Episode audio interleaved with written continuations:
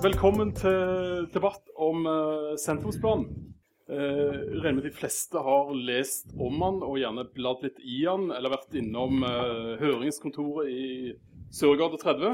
Uh, det er en høring som pågår nå fram til 30.9. Der kan Gud og hvermann komme med, med innspill. Uh, I anledning til den uh, høringen og planen så har vi fått samla et godt panel. Det er Kari Raustein fra Fremskrittspartiet. Hun er leder i kommunalstyret for byutvikling. Ikke streng møteleder, gjerne. Er... Jeg har prøvd å være så streng jeg kan, okay, okay. men de prater så mye. De prater så mye, okay. Kari Nessa Nordtun, eh, Arbeiderpartiet, og medlem i kommunalstyret for byutvikling, her kalt KBU. Eh, Kristin Hoffmann, forfatter og journalist, har engasjert seg veldig mye om byutvikling i det siste. Og Henrik Lundberg, Lundberg sivilarkitekt i KAP var av lang nok. Den var fin. Den var fin. Takk. Eh, eh, opplegget her blir eh, Vi holder på ca. Ja, en god, god drøy time. Jeg må videre på et annet møte. Det er tilfeldigvis i Telemark, så jeg har litt dårlig tid. Eh, men vi, vi, har et opplegg der hver av eh, paneldeltakerne har ett minutt hver til innledning for å si sitt. Eh, og så kjører vi litt sånn tematisk. Vi prøver å kjøre litt tematisk, ikke få alt i en, uh, en suppe. Eh, vi snakker litt om uh, høyhus, selvsagt. Eh, vi snakker om uh, biltrafikk. Vi snakker om gater som trenger kraftig opprustning, som, herjer, som er herjer trafikk i dag, som Løkkeveien og Berglandsgata. Eh, Holmen er òg et eh, sentralt område. Eh, utfylling av havneområder er jo et av grepene som er, ligger i planen. Eh, og trafikkmønster, Ryfast og Eigenestunnel. Hva de tunnelene og de veianleggene å si for både miljø og trafikkbilde når de er klare i 2019. Jeg tror vi begynner med deg, Kari Raustein, som sitter nærmest her. Eh, ett minutt for å si hva mener du om planen, hva er ditt ståsted? Først så må jeg jo uh, si at uh, sentrumsplanen er vel kanskje noe av det kjekkeste vi skal behandle nå framover. Vi har hatt en førstegangsbehandling av den, hvor vi har fått lov å komme inn med noen innspill. Vi har valgt i KBU å legge inn oversendelsesforslag, for vi ønsker egentlig å få innspill fra alle innbyggerne der ute hva de mener. Eh, det som vi i Fremskrittspartiet syns er viktig, det er jo å legge til grunn at det kommer arbeidsplasser, og at det bor folk. For vi vil ha liv i byen. Og hvis vi skal ha liv i byen, da må det være naturlig at folk ferdes der. Derfor så ønsker jo vi at eh, en utfylling på Holmen eh, er kjærkommen. Vi ønsker å ta vare på Jorunholmen, som egentlig kanskje er det som får mest damer til byen å handle. For han er viktig. Og hvis det er folk, så er det handel, og da får vi liv i byen. Så vi må rett og slett sørge for at vi har en by som er levende på dagtid òg, ikke bare på kveldstid når puber og restauranter går åpne. Ellers så er det jo noen spennende tomter som kommer. Det er Bekhuskaien. Hva skal vi gjøre på Bekhuskaien? Rogaland Teater kan være veldig aktuelle. Uh, og uh, samtidig så er det lagt opp til bystrand. Det burde vi jo fått. Vi kan ikke bare la Kristiansand ha det. De dagene det er fint vær, så må vi gå på stranda midt i byen. Eh, og så er det det at eh, det er positivt å få en helhetlig parkeringsplan. Fordi at eh, de unge, nye, friske som skal flytte inn på Holmen, kanskje, det er ikke sikkert de har bil. Derfor må vi se parkering under ett og se hvordan vi skal gjøre det. Når det er sagt, så er det viktig å tenke Vi har Stavanger stasjon som kommer som et friskt innslag her. Jeg har tidligere uttalt meg at jeg er bitte skeptisk på å stenge, stenge, tilgangen til Paradis. For jeg tror at sentrum naturlig i løpet av noen tiår vil strekke seg mot Paradis. Og Derfor så ønsker jeg å se på innspillene, og veldig åpen for høringsinnspillene der, på hva vi skal gjøre på Stavanger stasjon. For noe må vi gjøre med stasjonsområdet. Det er ikke bra. Så, men jeg er spent på innspillene. Ellers så er det disse høyhusene. Vi kommer sikkert tilbake igjen til det. Tilbake til. Ja, så... ett et minutt er ett minutt. Et... det var veldig fort. Det er ikke tre, for å si det sånn. Karin Essa Nordtun. Ja, eh, takk. Um, ja, sentrumsplanen, den, eh, den, som har fått til høring, den er utrolig spennende. Og jeg er veldig glad for, eh, som så Kari Rausten sier, at vi når vi hadde den til behandling i kommunalstyret for byutvikling, så var det et åpent å fremme forslag. Og vi ville helst ikke ha noen voteringer så tidlig i fasen, for vi vil at alt skal bli hørt. Og det er nettopp det som vi i Arbeiderpartiet mener er god byutvikling. Det er når vi finner en balanse mellom eh, innflytelsen fra utbyggere, fra innbyggere, naboer og fra fagmiljøer. Eh, det tar vi videre med oss i, i byutviklingen og nå i utarbeidelsen av sentrumsplanen. For det her vi i denne planen vil legge rammene for, for livene våre, rett og slett. Skape de gode minnene, og vi vil ha fokus på fellesskap og sosiale treffplasser. Eh, vi vil stille strenge krav, eh, men, men, det som vi mener er viktige krav. Og der er jo eh, Eh, det som er viktig, er høy utnyttelse, spesielt med kollektivtraseen. Eh, og samtidig som vi respekterer kommuneplanen sine føringer eh, for hva som er høy utnyttelse. Så er det òg det samme når det gjelder høydebegrensninger. Det òg må følges i de planarbeidene vi har. Og balansen mellom vern og fornyelse er òg veldig viktig for oss. Vi må kunne fortette gjerne enda mer der vi omkringliggende der vi vil verne. For oss i Arbeiderpartiet er det viktig å prioritere sentrum. Okay jeg er litt strengere med politikere enn eh, andre folk. Så vær så god, Henrik Lundberg. Ja, jeg får litt mer tid. Uh, ja. Nei da. Um, jeg tenker at sentrumsplanen er veldig god på, um, på det overordna at den leter etter kvadratmeter for å få til mer areal i sentrum, sånn at vi kan bli flere folk i sentrum. Fordi sentrum er i ferd med å tape konkurransen mot de andre sentrene som vokser opp rundt. Derfor er det viktig med motstrategi. Uh, men så er det jo sånn at det har ikke vært forbudt å bygge ut i sentrum før. Det har bare skjedd andre steder. Og det tror jeg ikke sentrumsplanen på en måte sikrer at vil skje i fremtiden. Det er liksom andre ting enn en plan som eh, bygger ut. Og til nå så har vi prioritert andre områder. Veldig kraftig, eller ikke prioritert. Vi har organisert oss sånn at andre områder har vokst mye sterkere enn sentrum. Sentrum har gått ned 10 eh, i antall arbeidsplasser de siste 15 årene, mens f.eks. Forus har økt med 400% Så Forus er jo over dobbelt så stor som Stavanger sentrum. Eh, det er en utfordring eh, som jeg tenker også man kunne løfte her. Det er ikke bare å få en god plan, men det er jo å få den planen til å bli noe av. For det har ikke vært mangel på gode planer. Og så er jeg litt bekymra for at vi har eh, mangler verktøy for å vurdere god kvalitet. Det viktigste verktøyet er fremdeles lekeplassnormen. Og Det var et verktøy vi utvikla da vi bygde felt på, på, ut på jomfruelig mark. Eh, og nå når vi skal bygge by, så har vi egentlig ikke verktøy for å vurdere godt eller dårlig. Politikerne gjør sitt beste, men vi burde jo hatt noe som var litt mer operativt. Eh, og kanskje kunne det vært sånn at eh, sentrumsplanen, eller noe som kom i forlengelsen av den, var en slags sånn fortelling om hva slags by vi vil ha. For nå har vi bare fått en sentrumsplan som sier vi kan få mange kvadratmeter. Men når det da kommer et høyhus, så vet vi ikke om er, det er i tråd med sentrumsplanen. eller... Men hadde vi hatt denne fortellingen om, om eh, Stavanger by, hva slags uh, kvaliteter som er viktige Trehusbyen er jo en, en, et nøkkelord her. Og kanskje man kunne tenke seg at Stavanger skulle videreutvikle seg som en moderne trehusby, og at det ble et slags kriterium sammen med en, rekke andre kriterier. Mm. Og byen gjorde jo et veldig bra prosjekt med Norwegian Wood, der man fikk nettopp tre.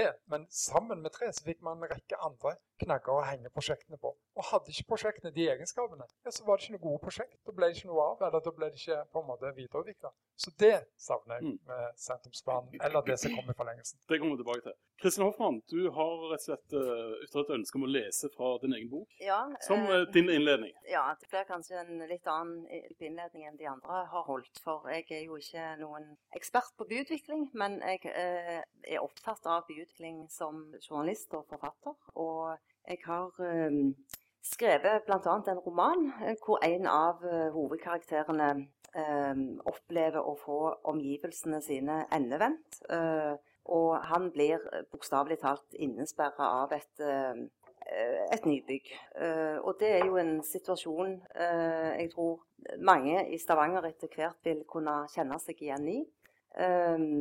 Denne fiktive pianolæreren som han er, han skrev da et opprørt og, ganske privat leserinnlegg i, i avisa. Og det skal ikke stå for min regning, men jeg eh, tenkte likevel at det kunne være et eh, slags menneskelig uttrykk for den eh, følelsen av maktesløshet og frykt denne middelaldrende Carl Theis opplever i situasjonen. Så jeg vil gjerne lese kort fra det. han hadde skrevet avisinnlegget i Fulla, Det var lenge siden nå. Fra starten hadde han formulert seg formelt og eh, kontrollert, nesten distansert og som på avstand fra det. Men så hadde pennen skutt fart. Skal vi la oss overkjøre av vedtak på bakrommet? skal vi ofres for de beste forretningene. Noen heftelser har vi påtatt oss for helheten. Noen forpliktelser har vi for fellesskapet. Noen krav må vi alle stille oss bak for det kollektive og det som overgår, ja, om ikke gjør skam på, det stilltiende og samtykkende i hver enkelt av oss. Så faen ta dette nybygget. Til helsike med den bebuda kontorblokka som skal vokse seg store og bestandige foran øynene på meg, etasje for etasje, med sine arkitektoniske utspring og ubegripelige moderne signaturer. Terrasser i glass og betong, over tusenvis av kvadratmeter, i disharmoni, uten omtanke for omgivelsene sine. En tilsnikelse av fellesrommet, ja, vår alles frihet, spør du meg. Men ingen har spurt. Jeg godtar det ikke. Tvert imot fordømmer jeg å bli fratatt det som skulle bestå. Men bryr de seg om det? Jeg ser de flirende for meg. Jeg ser de lese dette innlegget og i hånlatter kaste det vekk. Jeg ser de i de monstrøse bilene, påkledd i syntetiske ansiktene, i uniformene, blåskjorta, spissko og slips. Jeg ser de svigaktige blikkene der de troløst fingerer sine samfunnsnyttige velgjerninger. For hvem? Hva med helheten, tryggheten, empatien? Hvor ble det intime livet av? Vi skal absorberes. De skal oppfylle sine bedragerske mål. Profitørene, pengepugerne, kynikerne, hyklerne, sier nå jeg. Men fortsatt er jeg her. Her er jeg, i vinduet. Jeg er redd. Jeg skal ikke lenger noe uh, av dette utenfor se. Bygget skal mure meg inne og fylle fjernheten til alt annet rundt meg opp. Jeg skal stirre like inn i det. Jeg skal se datamaskinen og vannkolbene, kaffemaskinene og møterommet, arkivskapene og potteplantene. Det giftige lyset skal falle over ansiktet mitt fra store, griske glass. Det skal trenge inn i rommene mine og male på veggene mine, og det vil vippe megapinnen, har jeg kjent. Tusen takk. Veldig.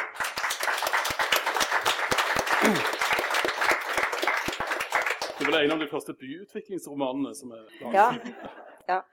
Eh, vi begynner i høyden. Eh, vi kan begynne i eh, retning jernbanestasjonen, eh, rett Knut Holms gate. Eh, Kari Raustein, hvor høyt bør høyhuset i Knut Holms gate være? Jeg syns det er vanskelig å sette noen begrensning for det. Eh, jeg vil snu litt på det. Altså, Vi er oljehovedstaden. Vi ligger foran. Vi skal gå foran, sier vi. Men allikevel så har vi kjempediskusjoner hver gang vi skal gå over åtte etasjer. Eh, jeg tror at eh, sånn som sentrumsplanen nå legger opp til, så legger han opp til høyhus i ei- ett område. Og i dette området mener jeg tåler høyhus. Jeg ser ofte utover byen fra bybrønna, og da passer det egentlig veldig godt. Og hvor høyt skal det være? Jeg vet, eh, Nå er det et forslag på et eh, nytt prosjekt som eh, foreslår 26 etasjer. Jeg mener at Stavanger som by godt kan tåle et signalbygg som har den høyden. Jeg tror at det kan være bra. Det kan være en aktør som gjør at større arbeidsmarkedsaktører, altså næringsliv, kan komme inn og få samla en større bedrift i ett bygg. Samtidig så vil rydde opp i et sånn litt ruskete,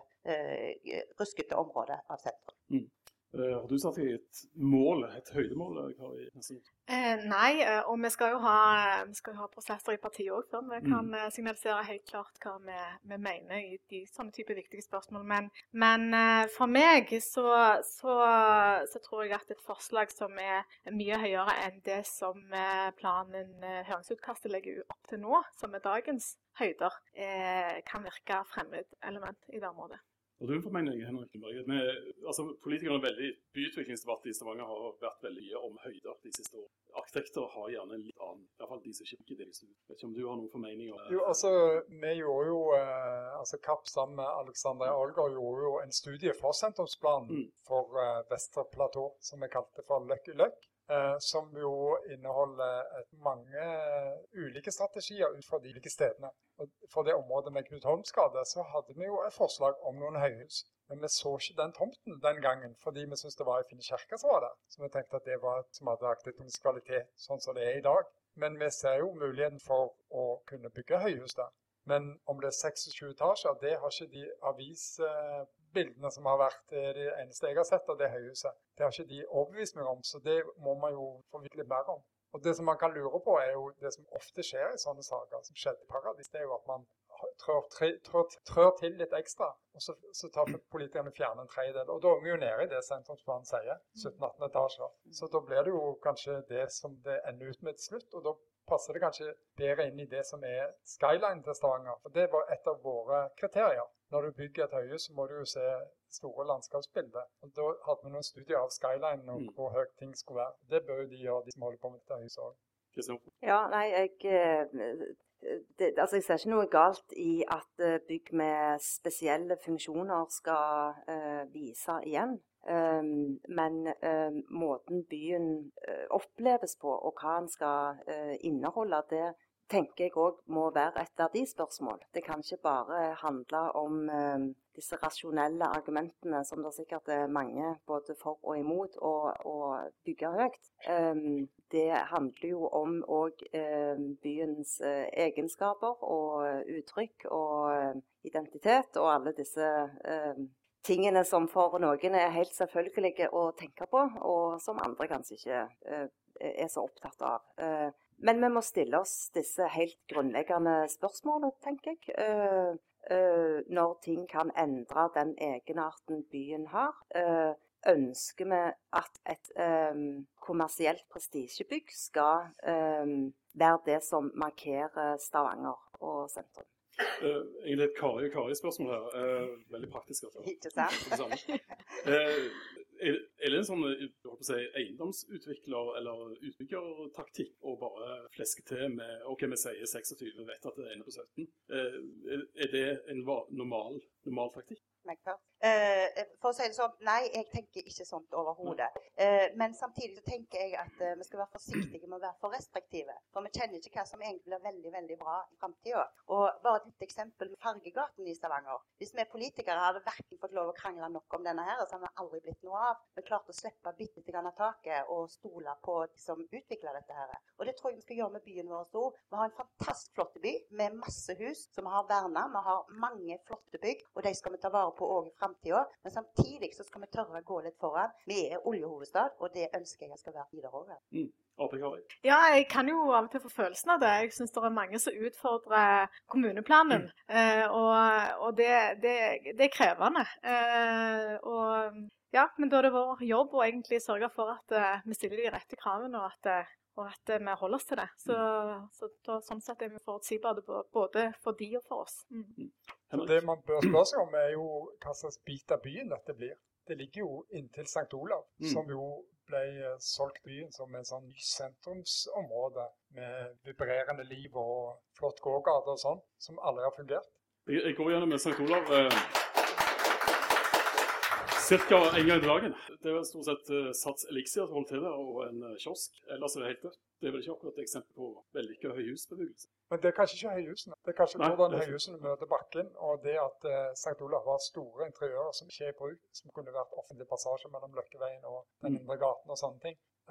Kunne jo kanskje forsterke St. Olav som en sånn handlegate.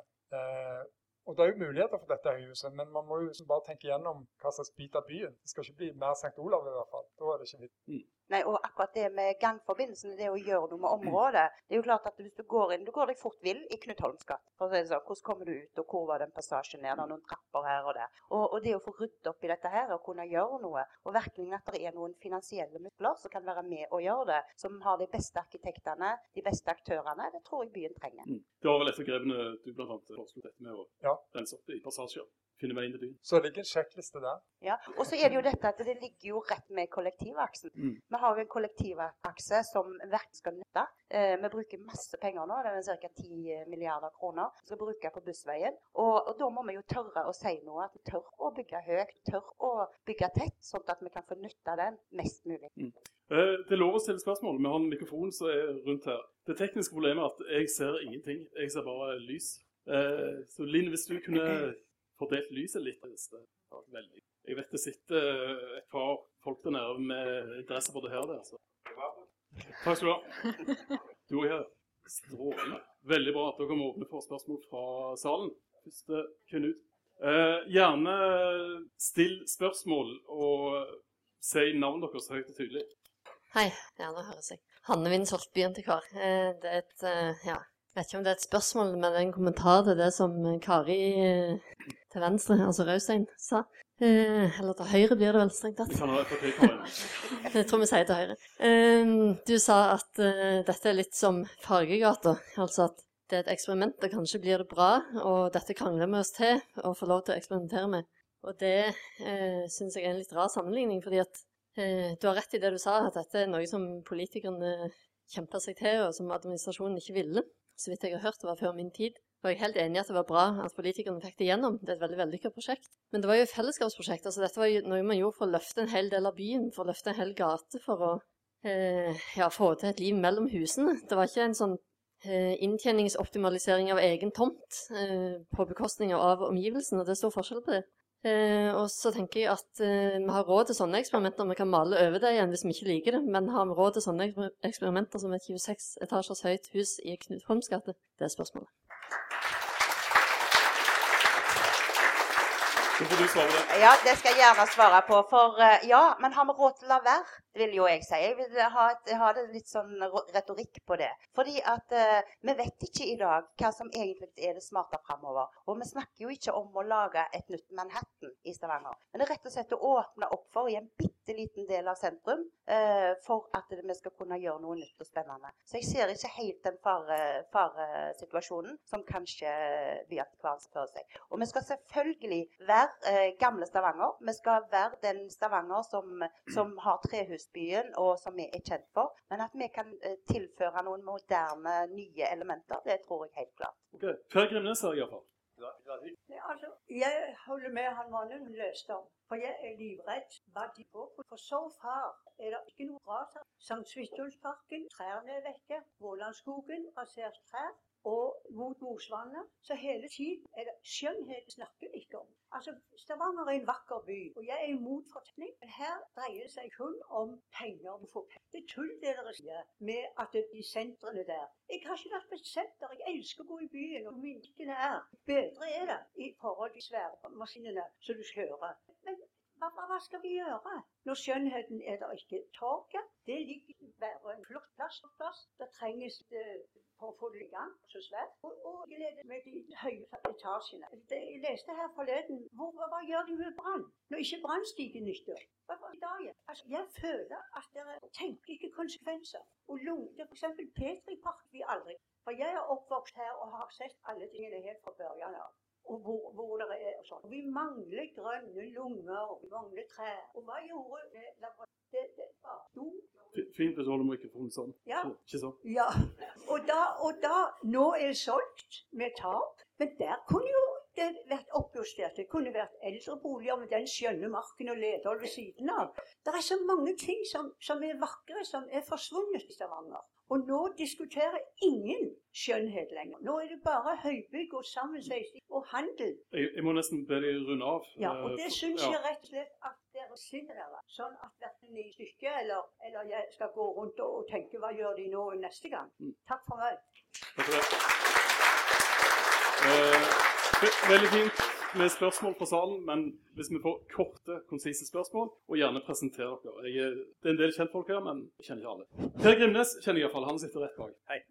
Er det liv i, ja? Ja. Ja. ja, et par spørsmål. Det ene er at det, hvorfor man tror at sånn høyhus skal skape så mye liv i sentrum. Det ble nevnt St. Olav. Det skapte ikke liv. Det bor under én person per leilighet i St. Olav f.eks. Mye tomlokaler og ingen handel i den handlegaten. Det andre er hvorfor bygges det ikke høyhus i Bergen? Hvorfor bygges det ikke høyhus i København? Var nettopp i København det gikk og lettere høyhus hele tiden. Noen få i utkanten utover mot flyplassen, ellers ingen høyhus. Eh, Dette synes jeg er et spørsmål dere bør stille dere. Det, det virker ikke særlig intelligent på meg altså, som avrunding at vi skal bygge et høyt hus, særlig nå når, fordi vi er oljebyen og oljebyen er på hell. Jeg synes det virker helt panisk. Takk.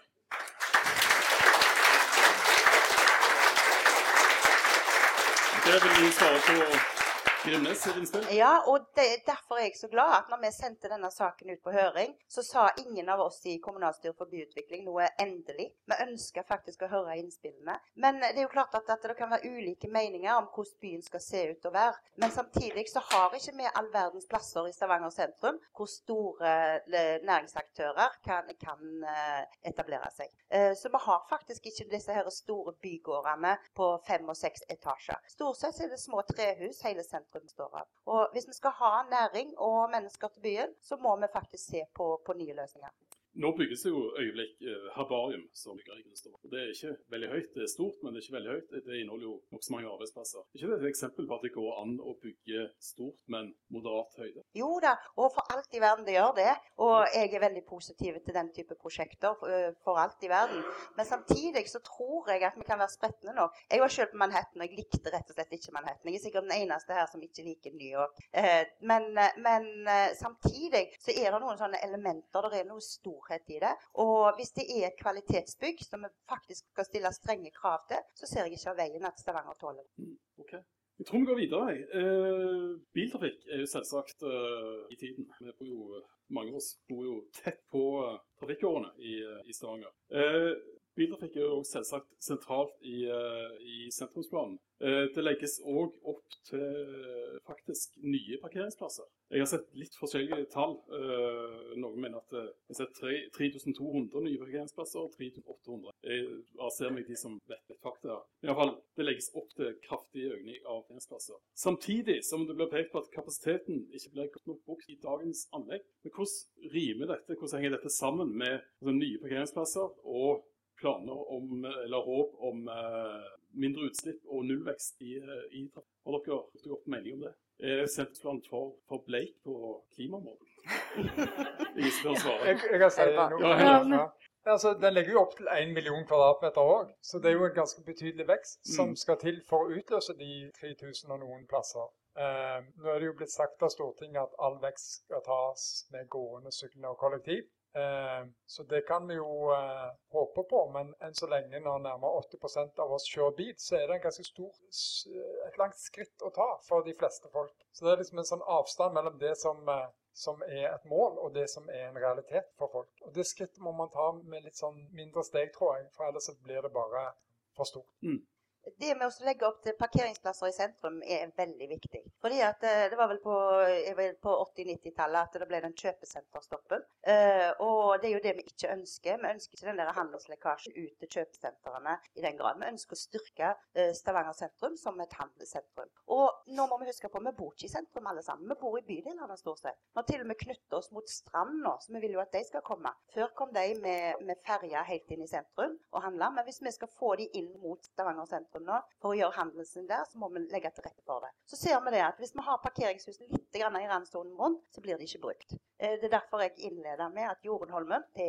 er alle shoppingdamers drøm. Den ligger der som vi vil gå og handle. Og det må vi òg legge opp til med den nye parkeringshusene. Mens mennene sitter i baren, som dere har tenkt å bygge toppen. Jeg så Frp har forslag om det. Stemmer det. Og det syns jeg er en kjempegod idé. Å pynte på Jorunholmen det trenger ikke se stygt ut, det kan se bra ut, og det kan være funksjonelt. Men samtidig så må vi huske på at menns handlemønster det er at de ønsker seg korttidsplasser. De ønsker å stoppe full fart, springe inn, kjøpe de tre buksene som de kjøpte i fjor, ta de med i bilen igjen og komme seg hjem. Vi vil stoppe forbi Itzø og that's it. Okay. Ja. ja. Mens vi damer vi blir der i fem, fem, timer, så vi trenger lengre parkeringstid. Yes. Men, men altså, det er jo ble påpekt flere, flere, plasser i, eh, i, i, sentrumsplanen at det er god kapasitet. Bare ta turen gjennom P. Kure, det nye, det nye anlegget, parkeringsanlegget, eller relativt nye. Det er som regel ikke, det er ikke det halvfullt engang som regel på travle dager. Det er ikke mer snakk om å markedsføre det vi har, faktisk, og P. Kure jernbanen vår. Jo, og det er jo klart at vi markedsfører det vi har. Men samtidig så må vi faktisk gå inn og se på hva er det folk ønsker seg.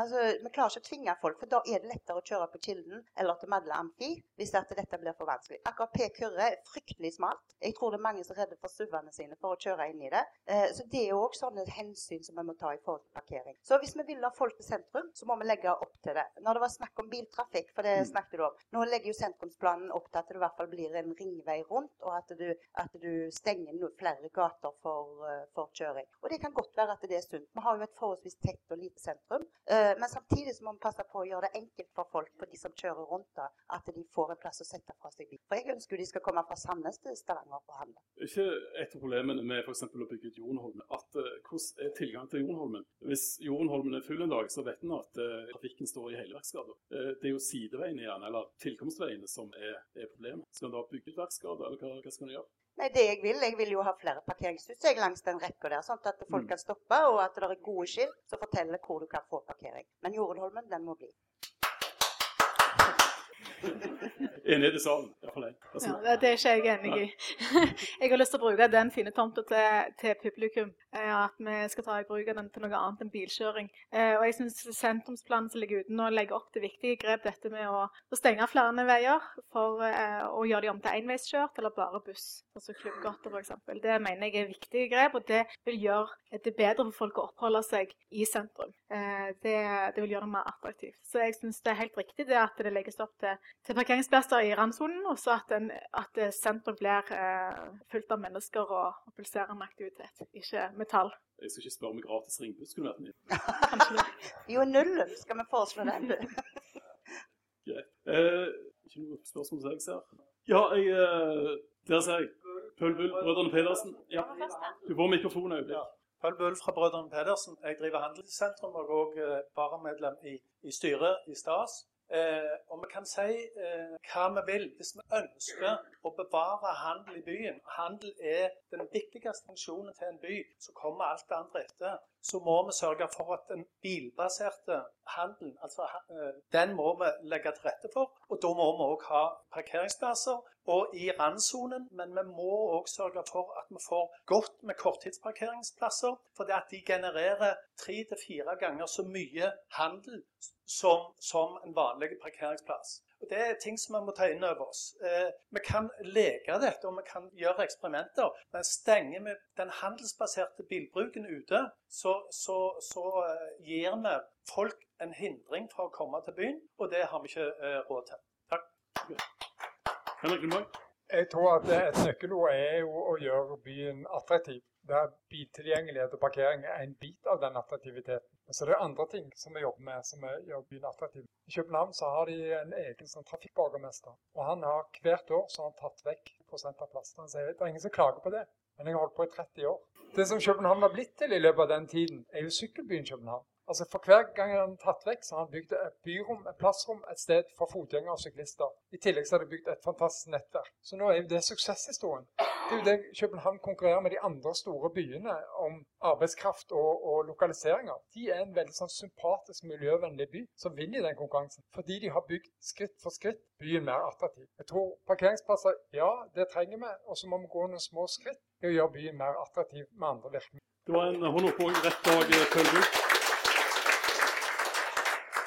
Ja, altså Jeg stokk litt på begynnelsen av møtet for det at jeg for første gang i mitt liv ble enig med Fremskrittspartiet når du uttrykte at du var skeptisk til disse høyhusene i Lagersdalen. Jeg tenkte yes, endelig. Men nå er vi tilbake på plass når du sier at du vil ha folk fra Jørpeland til å kjøre gjennom den tunnelen for å handle i Stavanger. Altså Skal Jørpeland bli en sånn en pendlerby, og du vil ha folk fra Sandnes til å kjøre til Stavanger for å handle? Altså Hva slags klimamål er det? Hva slags timinuttersby er det? Hvordan kommer Jørpeland til å se ut? Altså Jeg syns det er skremmende hvis det er liksom sånn tilbake til det Kristin Hoffmann snakket om. Hva er det vi vil med byen? At folk skal komme fra hele regionen bare for å handle hos brødrene Pedersen, og så dauer det ut på Jørpeland? Det er merkelige greier.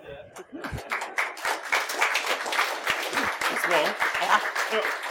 Og timinuttersby er veldig viktig. Men timinuttersbyen eh, betyr at du skal kunne gjøre det daglige gjøremålene og gå på jobb innenfor en gåavstand på ca. ti minutter. Men samtidig i dag, alle disse her som bor på Tausida, de tar ferja i dag fra sentrum. Så jeg vil jo gjerne altså det blir en handelslekkasje den dagen den ferja der stopper. Og da håper jeg at hvis de er på jobb på Forus, kjører gjennom Ryfasttunnelen, at de faktisk stopper i Stavanger. Ja, det håper jeg.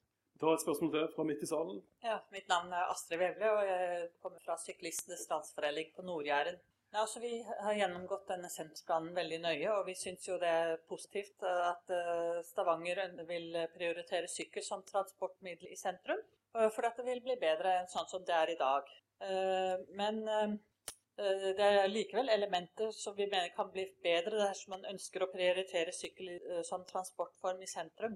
Eh, Sykkelforbindelsene i sentrum må være utformet slik at de kan benyttes av alle typer syklister. Det, det være seg barn, kvinner, eldre, syklist, eh, elsyklister, ungdom og transportsyklister og eh, osv. Uh, og av de fire løsningene som skisseres i planbeskrivelsen, er sykkelfelt i kjørebanen den ofte vil velges bort av syklister som føler seg utrygge i trafikken. Og da har vi følgende spørsmål uh, til sykkeltilrettelegging. Om dere har uh, vurdert å etablere opphøyde sykkelfelt med minimum 2,2 meter bredde bredde i, eh, i tråd med utkastet til Oslo-standarden for sykkeltilrettelegging i stedet for sykkelfelt i veibanen. For jeg vet mange, eh, deriblant jeg, jeg sykler eh, daglig fra, fra jobb fra Badedammen til Dusavik. Så jeg sykler aktuelle strekket der selv. Så og jeg, og jeg, foretrekker faktisk eh, noen ganger å sykle på fortau og, for å slippe å ha en eh, buss eller en bil bak meg og han. Så Uh, og så er det tilbake igjen Noen nevnte Løkkeveien her. Og, Men, hvis vi tar et spørsmål om gangen, uh, ja. bare sånn for å sortere litt. Uh, dette er jo et klassisk KBU-spørsmål med sykkelstier. Måten det organiseres på. Gjerne AB Kari. Ja, det, jeg kan ikke huske at har, det har vært vurdert, så det er jo et veldig godt innspill. og det er jo noe vi må ta med oss videre i denne høringsprosessen. Absolutt. Mm. Ja. Og for å si noe om det, altså Nå snakker vi om Stavanger sentrum, og Stavanger sentrum har smale gater. så, så det er jo klart at det å legge til rette for sykkel, det er, og i tillegg til bil, det er, kan være en utfordring for oss å trygge alle syklene. Og Vi har forskjellige typer syklister. Vi har disse her såkalt kondomsyklistene, og så har vi disse her som kommer mer og mer om, disse københavnerne, som jeg sier. De som sykler i skjørt og høye hæler. Men dette må legge til rette, det som sentrumsplanen nå gjør, det er å legge til rette at nå skal det være OK å komme med sykkelbyen. Men jeg tror ikke at vi klarer på en måte å gjøre den der store sykkelmotorveien inn i sentrum. For det er smale gater, og det er vanskelig, og historiske gater ikke minst, som vi heller ikke skal ødelegge. Ja, så, så, har vi et spørsmål til. Uh, sykkeltilrettelegging i Løkkeveien. Uh, I dag så er det jo veldig smalt, og, og, og, vi ser jo også at en del av disse forretningene i Løkkeveien de, det, det, er vel nesten umulig å uh, drive forretning der, sånn som vi ser det. Så kan dere, om dere kan si noe om det? Vi, vi, kan jo bare ta en glidende overgang fra, fra sykkel til, til Løkkeveien. Eh, Løkkeveien og Berglandsgata som jeg nevnte, er jo to av de gatene som har litt, litt under trafikken i eh, Stavanger sentrum de siste, siste ti, ti, årene. Eh, hva for noen grep ser dere som kan gjøres for å få liv i gatene igjen? Uh, hvis jeg skal svare for min del, så syns jeg faktisk at det er, det er, vanskelig. For det er klart at Løkkeveien er veldig trafikkbelasta. Uh, så egentlig så, så, ønsker jeg masse gode innspill på dette. her. Nå, nå foreslår sentrumsplanen der er miljøgata, der er noe å gjøre i forhold til uh, hva du får lov å ha i første etasje og andre etasje. Og dette her med sykkelvei er jo veldig aktuelt, for det er mange som ferdes gjennom Løkkeveien. jeg ser òg for meg, vi burde ha vurdert, burde vi hatt enveiskjøring i Løkkeveien veien og motsatt i Vestgate. Altså, det kan være mange løsninger, så jeg håper vi får mange gode innspill på hva vi skal gjøre med Løkkeveien. Henrik Lundberg, du er jo Løkkevei, eller Løkke-Løkke-bidragsyteren her. Eh, nå ble det ikke akkurat sånn som eh, vi foreslo i eh, sentrumsplanen, og det hadde vi ikke regnet med heller. Men eh, det er jo mange av elementene som er videreført. Mm. Eh, og vi tror jo det at eh, man òg må bremse litt på tilgjengeligheten, eller gjennomkjørbarheten for biler. At det ikke skal være så attraktivt å kjøre gjennom. Eh, sånn at det blir færre biler av den grunn. Man finner andre veier eller velger andre transportmidler. Og så tror jeg at man må tillate at det bygges litt nytt, fordi mye av bebyggelsen som ligger der, er på en måte ikke egnet til å ligge til en så trafikkert vei. Men eh, lokaler med arbeidsplasser eller større butikker kan godt fungere. Eh, og Det har vi òg noen ideer om i denne Lucky Løkk. Og så er det, eh, og Løkkeveien er mange biter. altså Fra du er oppe med Rudlå, der han er på det smaleste, til du er nede med St. Olav, der han er bare flyt og blir helt det går jo an å gjøre noe med gateprofilen som gjør at den oppleves som mer sånn sammenhengende og mer attraktiv av den grunn.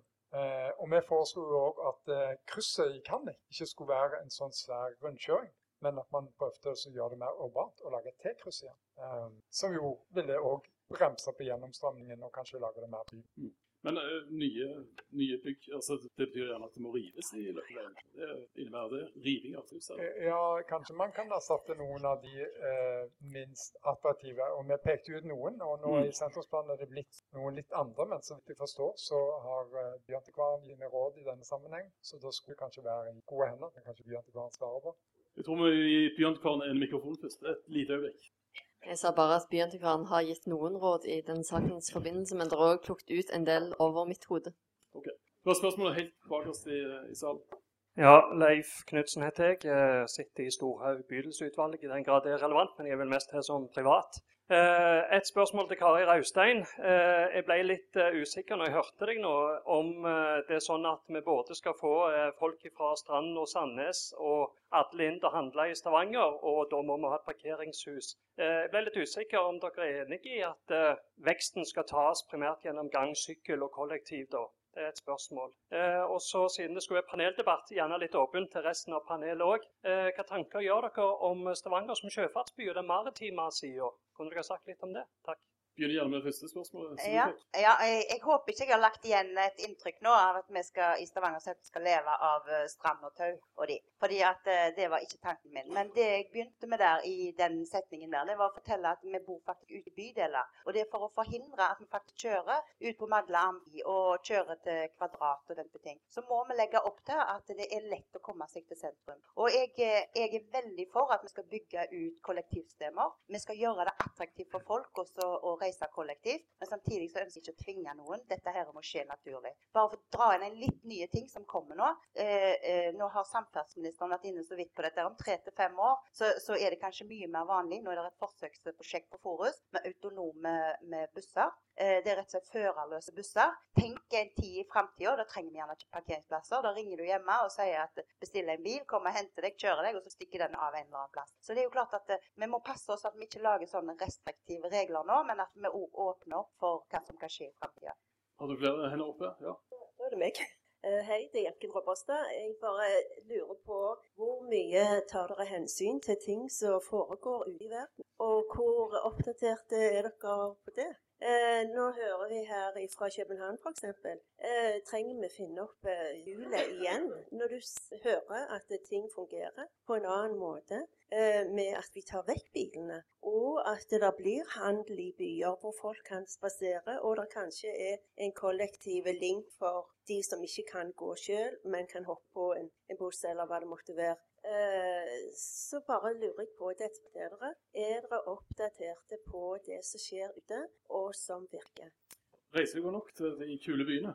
Ja, vi var nettopp i København med, på, på masse befaringer. Eh, i, fra Arbeiderpartiet reiste der en gruppe i juni. Og en, og en, av de tingene vi tok med oss eh, direkte fra København og Nordhavn konkret, var jo det at de har jo krav om å ferdigstille infrastrukturen samtidig med eh, utbyggingsområder. Svære utbyggingsområder der de fleste etasjene er fem til seks etasjer. Og det tar de seg råd til til tross for en stor boligmangel i den kommunen. Eh, og vi fremma det i forbindelse med områdeplanen plan for, um, for Ullandhaug knytta til, til, universitetet. Det ble, fikk dessverre ikke flertall. Så, men vi prøver å ta med oss alle de gode forslagene vi kan, og lytte til det som fungerer, og det som vi mener er bra i, i, i spesielt Norden. Mm. Ja.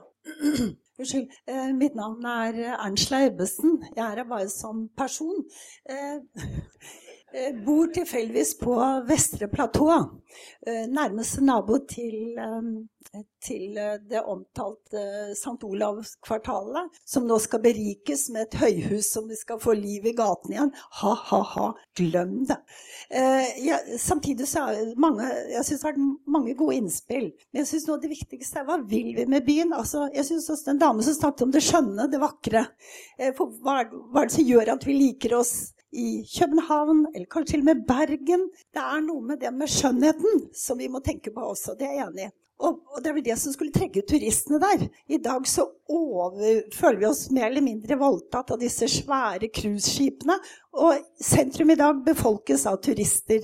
Men i hvert fall hvis vi vil ha de, og hvis vi skal leve av de, så må vi i hvert fall ha noe vakkert å se på. Så jeg syns det med skjønnheten. Og jeg savner, det jeg tenker meg iallfall, det der med det grønne. Jeg har vært en sånn, er jeg en treforkjemper. Og noen av dere som sitter i KBU, dere har vært utsatt for enkeltbeboere på som, De som besitter de vakreste områdene av byen. De som sitter på tjukke Eiganes og tjukke Fodlerhaug og penger. Og som vil felle store trær. Eh, det samme er vi som da kjemper i utkanten på Vestre platå mot trafikk og sånn. Der tar kommunen og feller trær hvis noen sier at noen kan få en gren i hodet. Eh, da ble det sagt at det skal lages en, altså fra park og vei, Det er et vedtak i KMU om at de skal lage en, en plan for bevaring og, og, si, vedlikehold av eh, gamle trær i byen. Jeg tenker også det med, Så en grønn plan Det jeg vil spørre, spørre panelet om, er tanker rundt dette med, med det grønne skjønne til den damen. Og som en annen snakket om, det med, med sjøbyen. Altså den gamle blå, blå, promenade.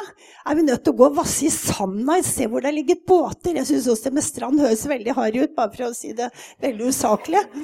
Men, men, okay, men uh, ja.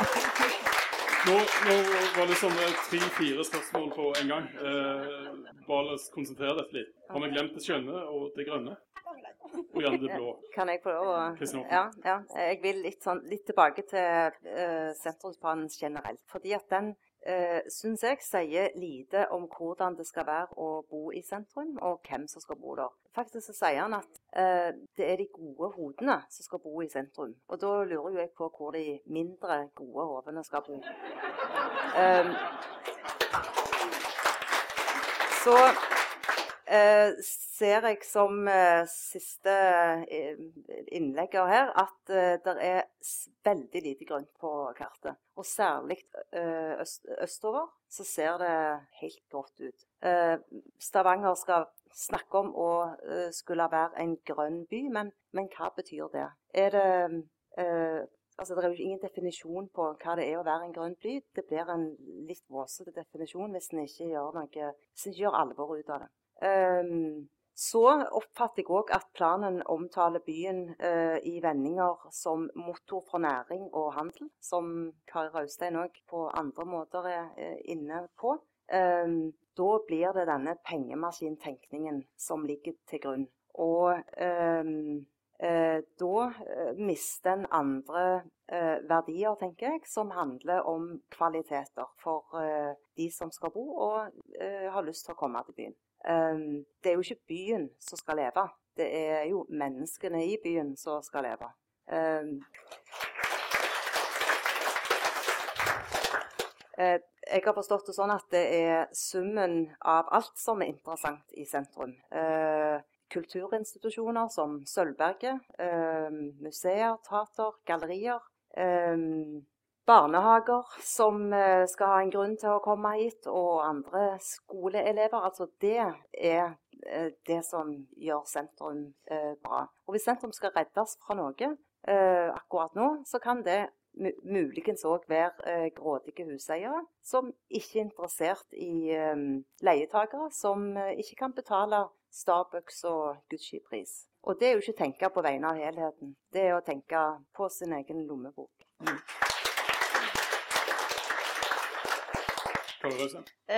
jeg hører det er flere som tar til orde for dette med skjønnhet i sentrum. Og det er jo klart at skjønnhet det kan være forskjellige ting. Det er hvem som sier det. Men jeg syns faktisk at eh, det er noe som jeg tror alle med, uavhengig av politisk bryr oss om når vi sitter med, med, disse reguleringsplanene. Det er jo klart det er ulike formål, men sentrum er vi veldig opptatt av skal være attraktive. Og dere snakker om hvorfor reiser vi til Bergen og København. Vet du hva? Jeg syns noe av den vakreste byen som fins, det er Stavanger by. Så jeg forstår ikke helt det. Men vi er på veldig mange studier studieturer. Det er vi faktisk, og, og ser hva de gjør andre plasser. Når det gjelder København og hva de har lykkes med, så er det ikke dermed gitt at vi kan lykkes med akkurat det samme. I København er ganske flatt. Eh, de har et eh, bedre klima enn oss. Eh, sånn at det, det, kan være andre ting som vil virke her, som ikke vil virke der, og motsatt. Men samtidig så syns jeg at sentrumsplanen nå, altså Fremskrittspartiet foreslår grønn park i nærheten av denne bystranda. Og om noen det er herlig å gå på strand, det syns ikke jeg. Jeg syns det er deilig, faktisk.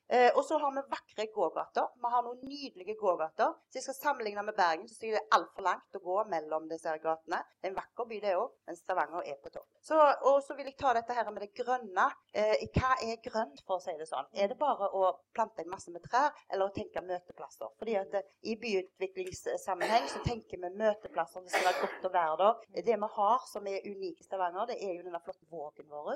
Eh, kanskje vi skal tenke, skal vi dra ned disse cruiseskipene som, eh, som, som, på en måte dekker hele denne biten, eller skal vi åpne den opp sånn at innbyggerne skal kunne få komme inn med en båt på dagstur? Så Storhaug, der bevilger vi 600 trær som skal bygges der oppe for å øke trives på Storhaug, og gjøre dette til en bedre plass å bo. Jeg synes absolutt vi i byutvikling tenker skjønnhet i, i områdene våre. Så det håper jeg at dere legger merke til. Så det er ikke bare store sementklosser på 26 etasjer, det som vi ønsker skal bestå av.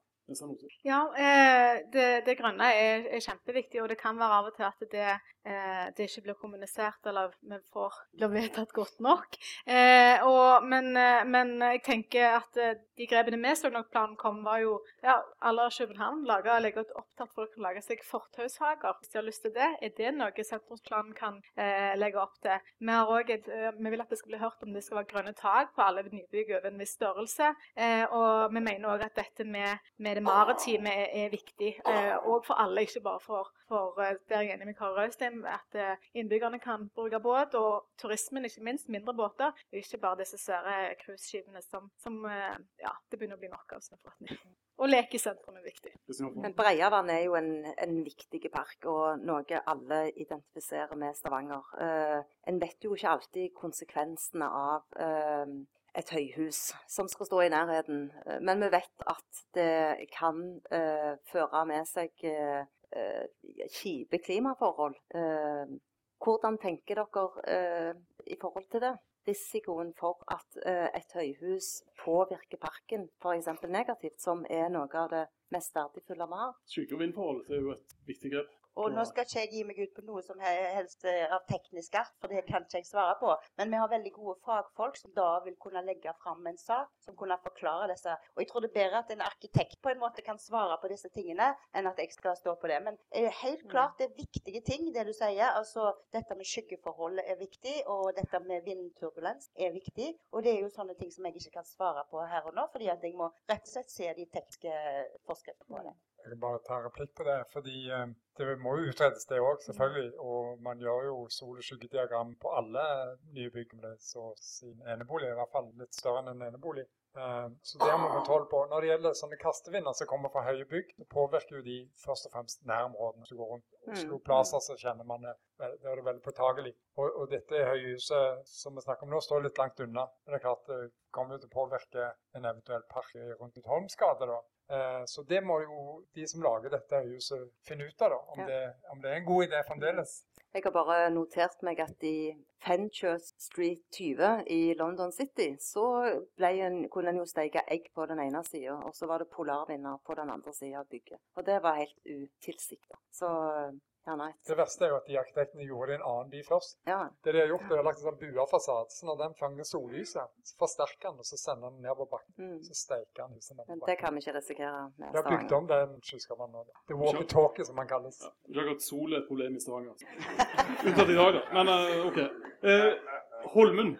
Holmen er en gjenganger i uh, byutviklingsdebatten i, i Stavanger. Og det er òg et uh, viktig, viktig, grep i, uh, i den planen som, som, er lagt fram. Det er planer om å fylle ut langs uh, i havområdet eller rundt kaiene på Holmen.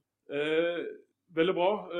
litt bortover så ligger jo Oljemuseet, og de har jo protestert allerede. Finn Krogh har jo sett at Oljemuseet er i ferd med å rammes inn av utfylling. er utfylling av den type utfylling som er alt var vanlig i gamle dager. Er det et, et av de gode grepene i, i planen? Hva syns dere om det, det grepet, som er radikalt?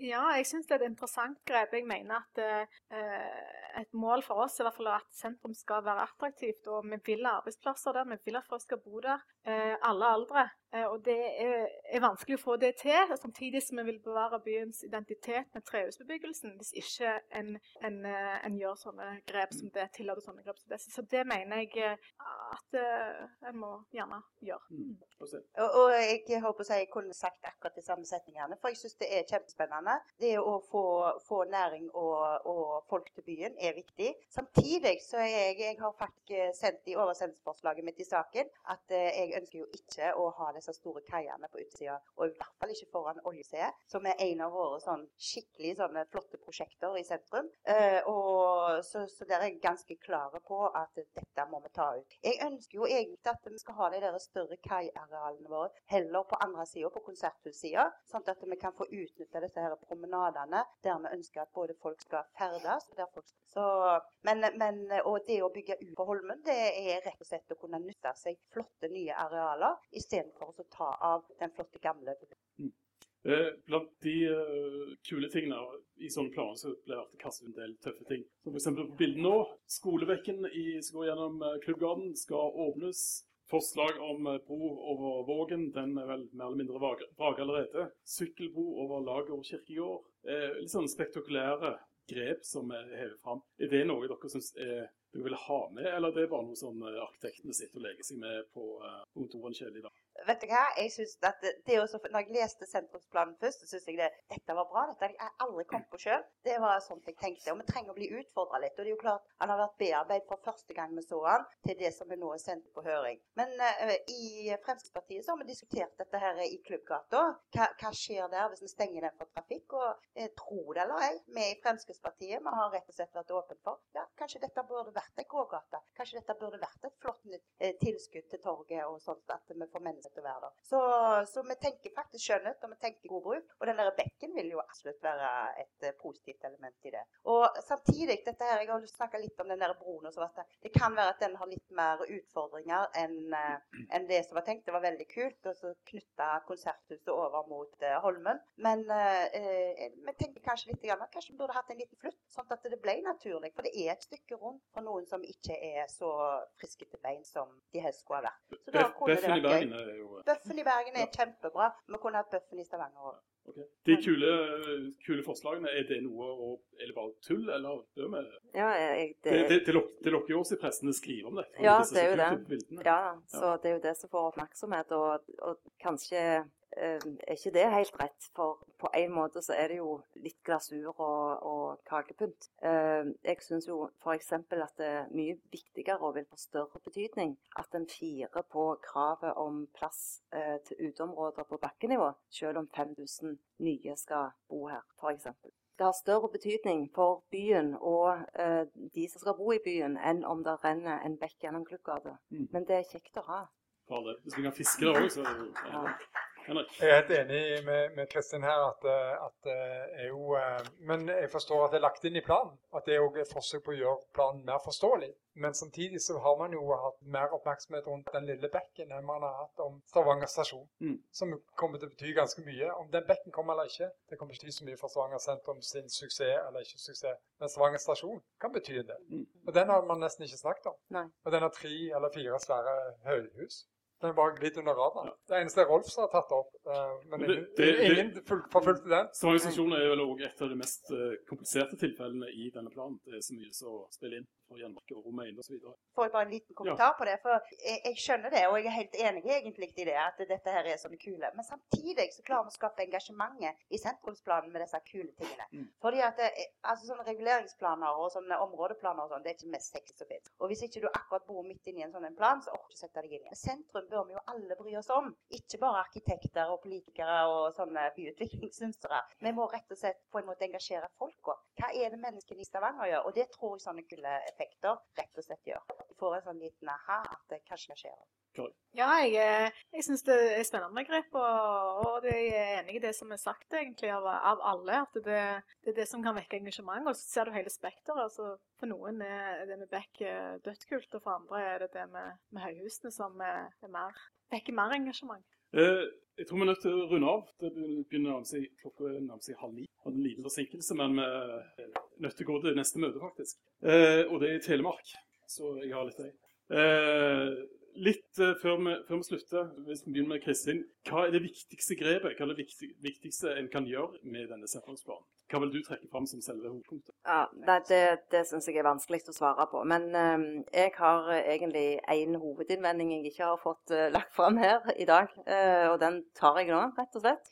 Og det er at eh, jeg ikke eh, syns, eller ser, at det er først og fremst folks behov som er utgangspunktet for mye av den eh, utbyggingen som skjer. Men og boligbyggingen eh, som skjer. Eh, men at det er måten utbyggerne vil gjøre det på, og det de gjør mest fortjeneste på, som i virkeligheten styrer byutviklingen. Og hvilke vilkår folk bor under. Eh, ja, jeg er selvfølgelig klar over at det finnes framskrivinger som viser at eh, flere skal bo og jobbe i Stavanger. Men med behov, eh, eller kunnskap om folks behov, så mener jeg eh, eh, forståelse for hvem en bygger for. Eh, hva de trenger, og hva de har behov for å ha i nærheten. Eh, og hvis det hadde vært en sånn eh, prosess, eh, i motsetning til det det er nå, så jeg ikke trenger å, å, å forklare, så, så, tror jeg at det hadde blitt bygd flere og varierte le leilighetstyper, f.eks. i Østre bydel, som nå skal bli en del av sentrum. Eh, og en hadde på forhånd satt av eh, plass til skoletomt. Og en hadde ikke i ettertid måttet diskutere for å få anstendige uteområder, f.eks. i Lærvik. Og det gjelder òg egentlig for utviklingen av sentrum.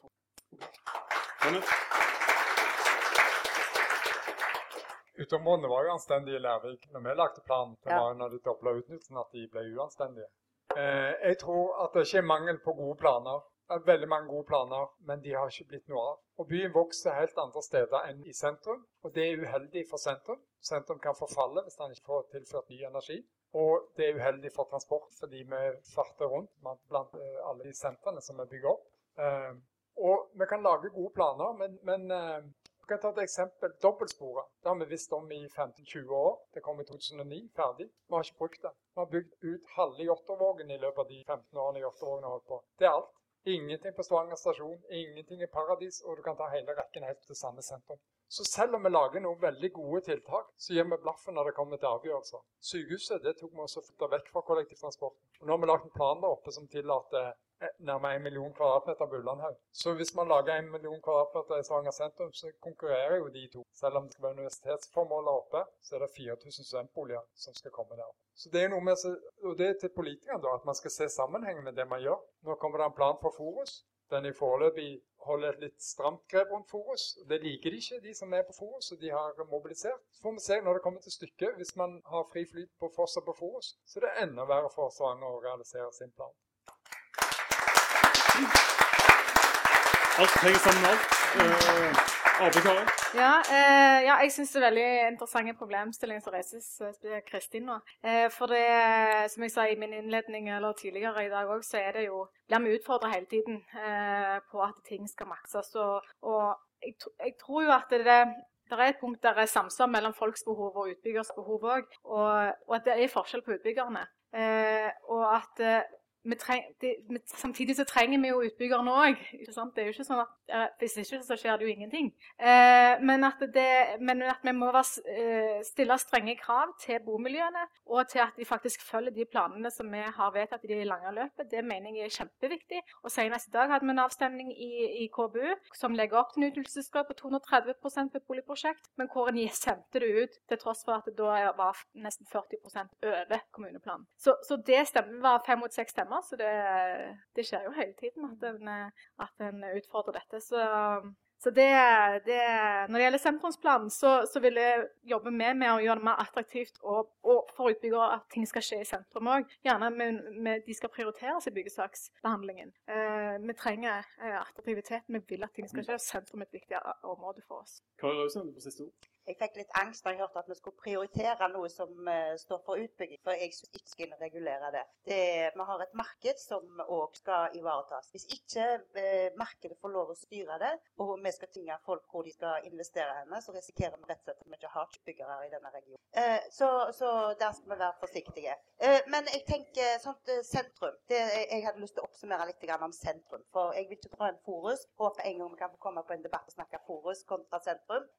Men jeg har lyst til å snakke sentrum. Det er jo for hele byen. Det er ikke en egen bydel hvor det bor en lite knippe mennesker som skal bo i ti minutter. Den sentrum den like mye for meg som på Bjørnøy som den er for den som bor på Tasta og de som bor på Himla. Eh, og vi må ta vare på særpreget i byen. Det må senterplanen gjøre. Særpreget vårt er helt unikt. Det er helt spesielt. Jeg er kjempeglad i byen, og, og vi må absolutt ta vare på det. Samtidig så skal vi ruste denne planen skal jo være med å ruste Stavanger for framtida. Sånn at vi skal se ikke bare fem år fram, ti år fram, men når jeg ser sykehjem eller langt under torven, da skal faktisk denne senterplanen virke. Og jeg vet ikke hva som skjer om 20 år. Jeg vet ikke hva som skjer om 10 år. Så, men dette skal vi faktisk tenke at det skal være mulighet for i sentrum. Så jeg har egentlig lyst til å stoppe litt der. Jeg har rett og slett ikke lyst til å være voldsomt restriktive, at jeg har svaret på alt. Jeg håper at innbyggerne kommer med masse gode innspill nå i planen, sånn at vi politikerne kan gjøre gode vedtak. Mm.